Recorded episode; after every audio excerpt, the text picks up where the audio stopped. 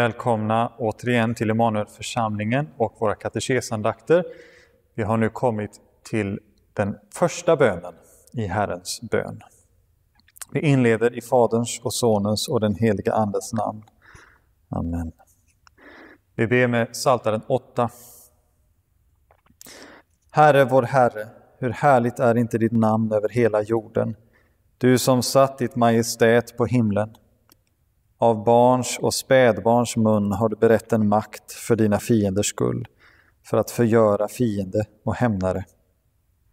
När jag ser din himmel, dina fingrars verk, månen och stjärnorna som du har skapat, vad är då en människa att du tänker på henne, en människoson att du tar hand om honom?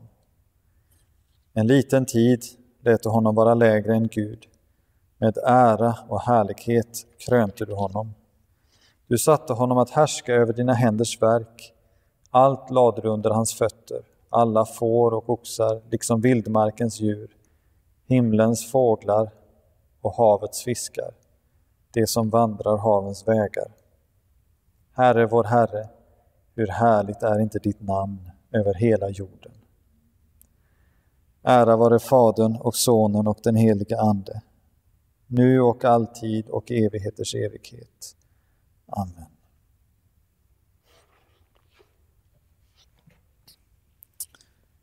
Helgat var ditt namn.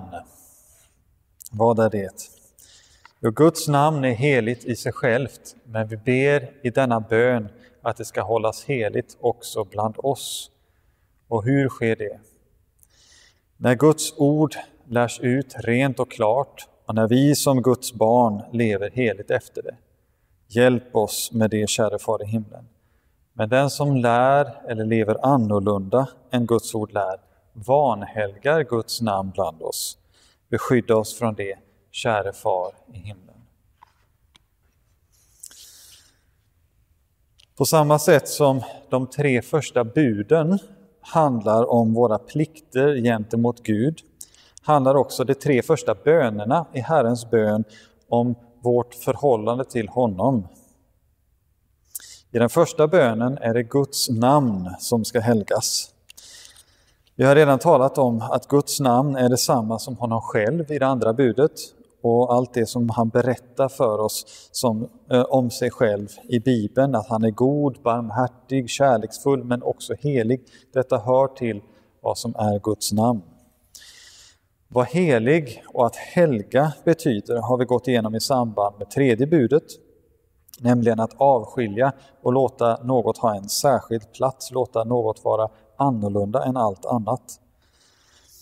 Här handlar det alltså om att be eh, att det ska vara något mycket särskilt med Guds namn hos oss eller bland oss. Och vi har i andra budet och inledningen till Herrens bön talat om Guds namn och ett sätt att helga det, det vill säga genom att använda det när vi ber.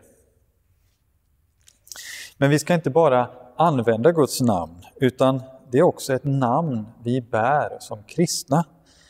Guds namn är i Bibeln också kopplat till Guds närvaro som jag talade om i andra budet. Att vi bär hans namn innebär att han är närvarande i våra liv, bor i oss. Och när vi ser närmare på vad detta innebär kan vi först lägga märke till det mönster Luther har i sina förklaringar till eh, de fyra första bönerna och även sjätte bönen. Vi ber om någonting som först kan verka överflödigt eller onödigt att be om. Här, att Guds namn ska vara heligt. Men Guds namn är redan heligt i sig självt. Vi kan inte göra honom mer helig i sig själv genom att vi helgar hans namn. Hans helighet är inte beroende av oss. Men eftersom Gud också vill använda bönen för att forma oss och dra oss närmare till sig vill han att vi ska be om detta också för vår egen del. Han vill att vårt namn, han vill att hans namn ska hållas heligt också bland oss. Att han får vara helig för oss och i våra liv. Jag bär namnet Olsson och när jag växte upp så stod det namnet i förbindelse med mina föräldrar och eh, särskilt där vi bodde. Om jag uppförde mig väl så var det någonting som blev till glädje och stolthet för mina föräldrar, men det blev också till skam och sorg om jag betedde mig illa.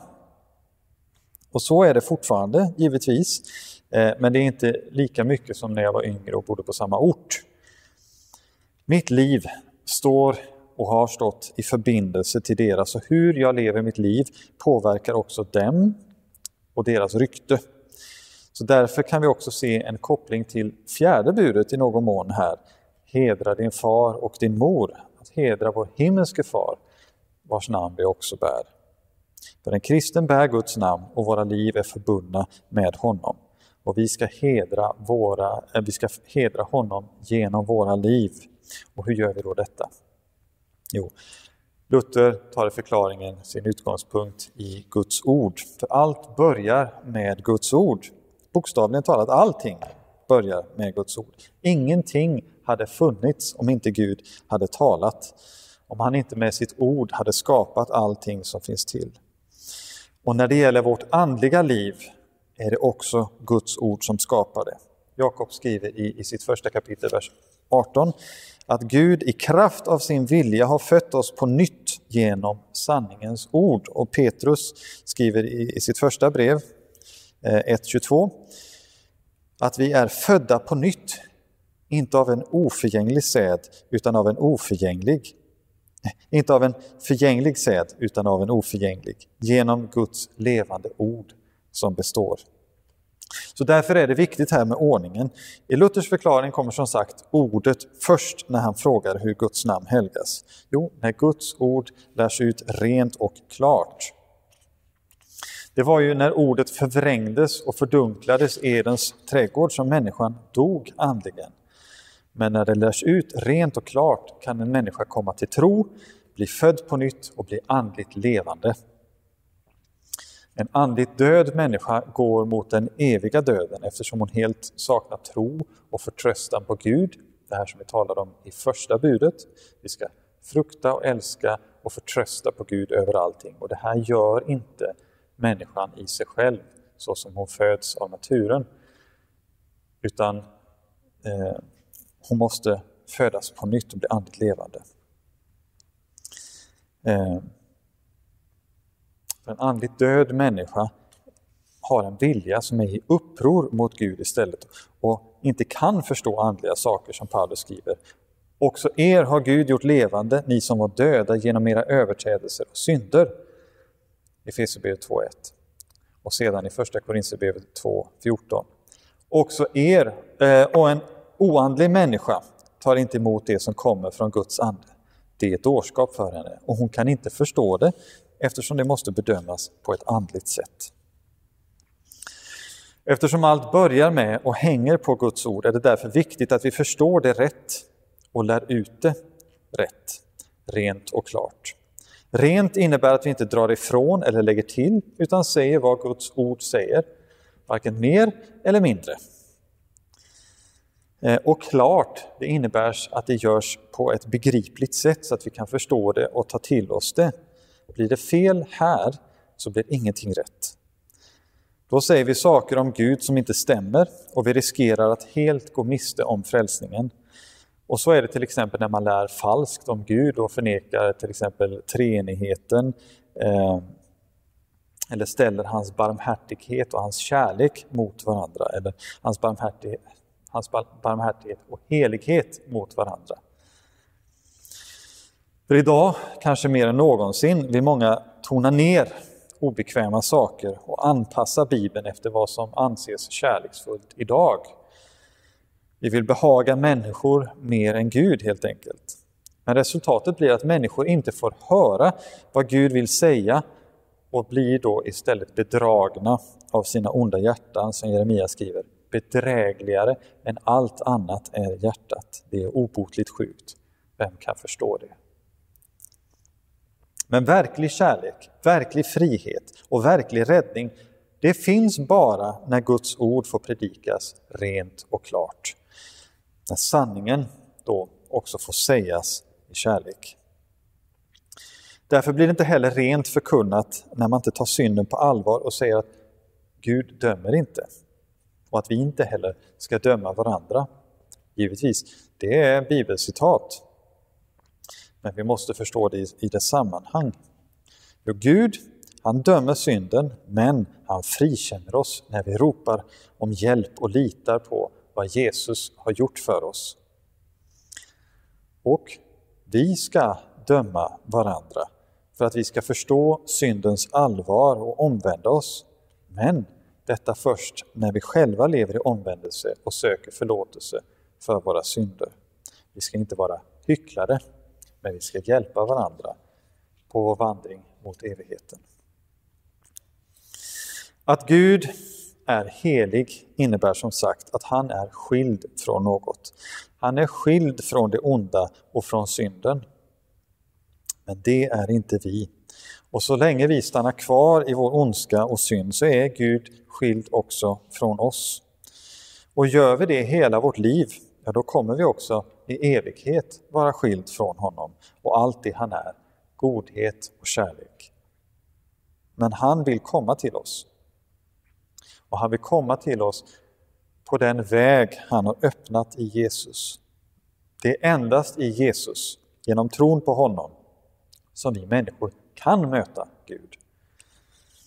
För det är bara i Jesus som synden är försonad och borttagen. Det är bara i Jesus döden är besegrad och det är bara i Jesus det finns andligt liv. I Jesus kan vi därför möta Gud, trots att vi ännu lever i denna dödens kropp och fortfarande ofta syndar. Men Luther förklarar att Guds namn helgas bland oss när vi som Gud, Guds barn lever heligt efter hans ord. Och hur lever vi heligt efter hans ord? Jo, till att börja med då handlar det om detta som vi har redan berört, att erkänna vad Guds ord säger om oss, att vi av naturen är olydnadens och vredens barn, Efesierbrevet 2, vers 2-3, som är slavar under synden, Romarbrevet 6.17. Det här är diagnosen som måste ställas för att vi också ska kunna förstå att vi behöver läkemedlet. När vi erkänt detta då, då har den heliga Ande gjort ett stort arbete i oss genom ordet. Och nu vill han också föra oss till Jesus så att vi kan få förlåtelse för våra synder, få ta emot hans rättfärdighet och fullkomlighet som håller inför Gud och även barnaskapet som kommer av att Jesus blir vår bror och vi därför får ha hans far till vår far, som vi talade om i inledningen till Herrens bön. Då har vi blivit helgade, avskilda för Gud. Och då följer att vi lever också värdigt vår nya ställning som Guds barn. Och helga det namn vi fått, Guds namn.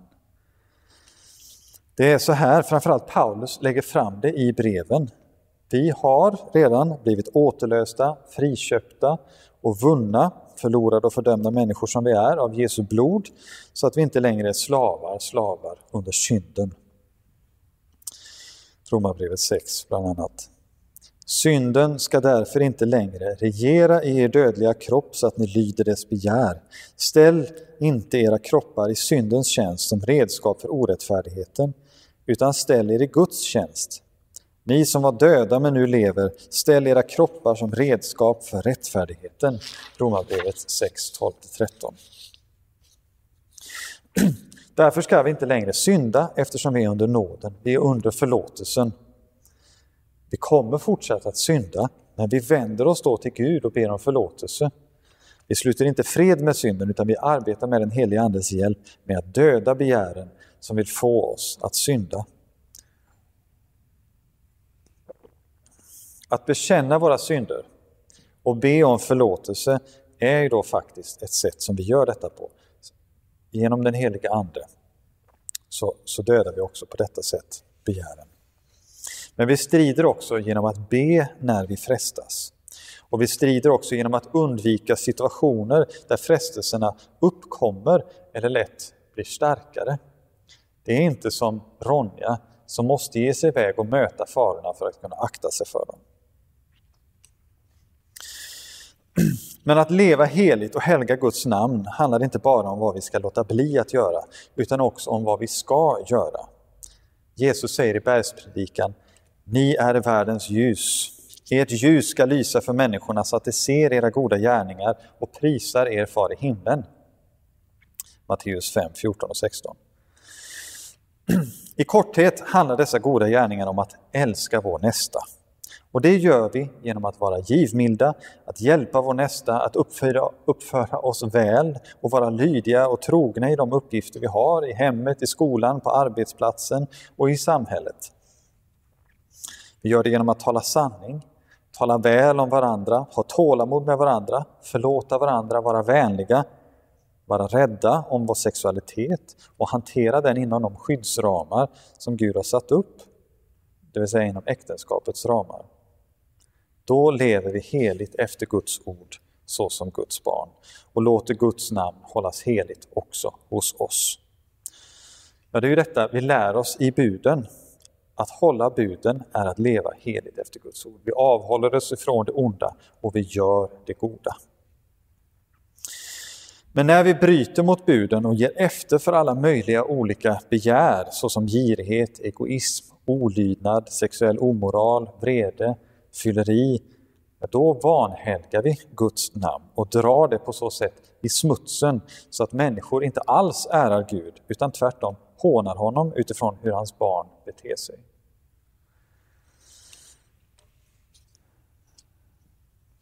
Så detta är vad vi lär oss i denna första bön i Herrens bön.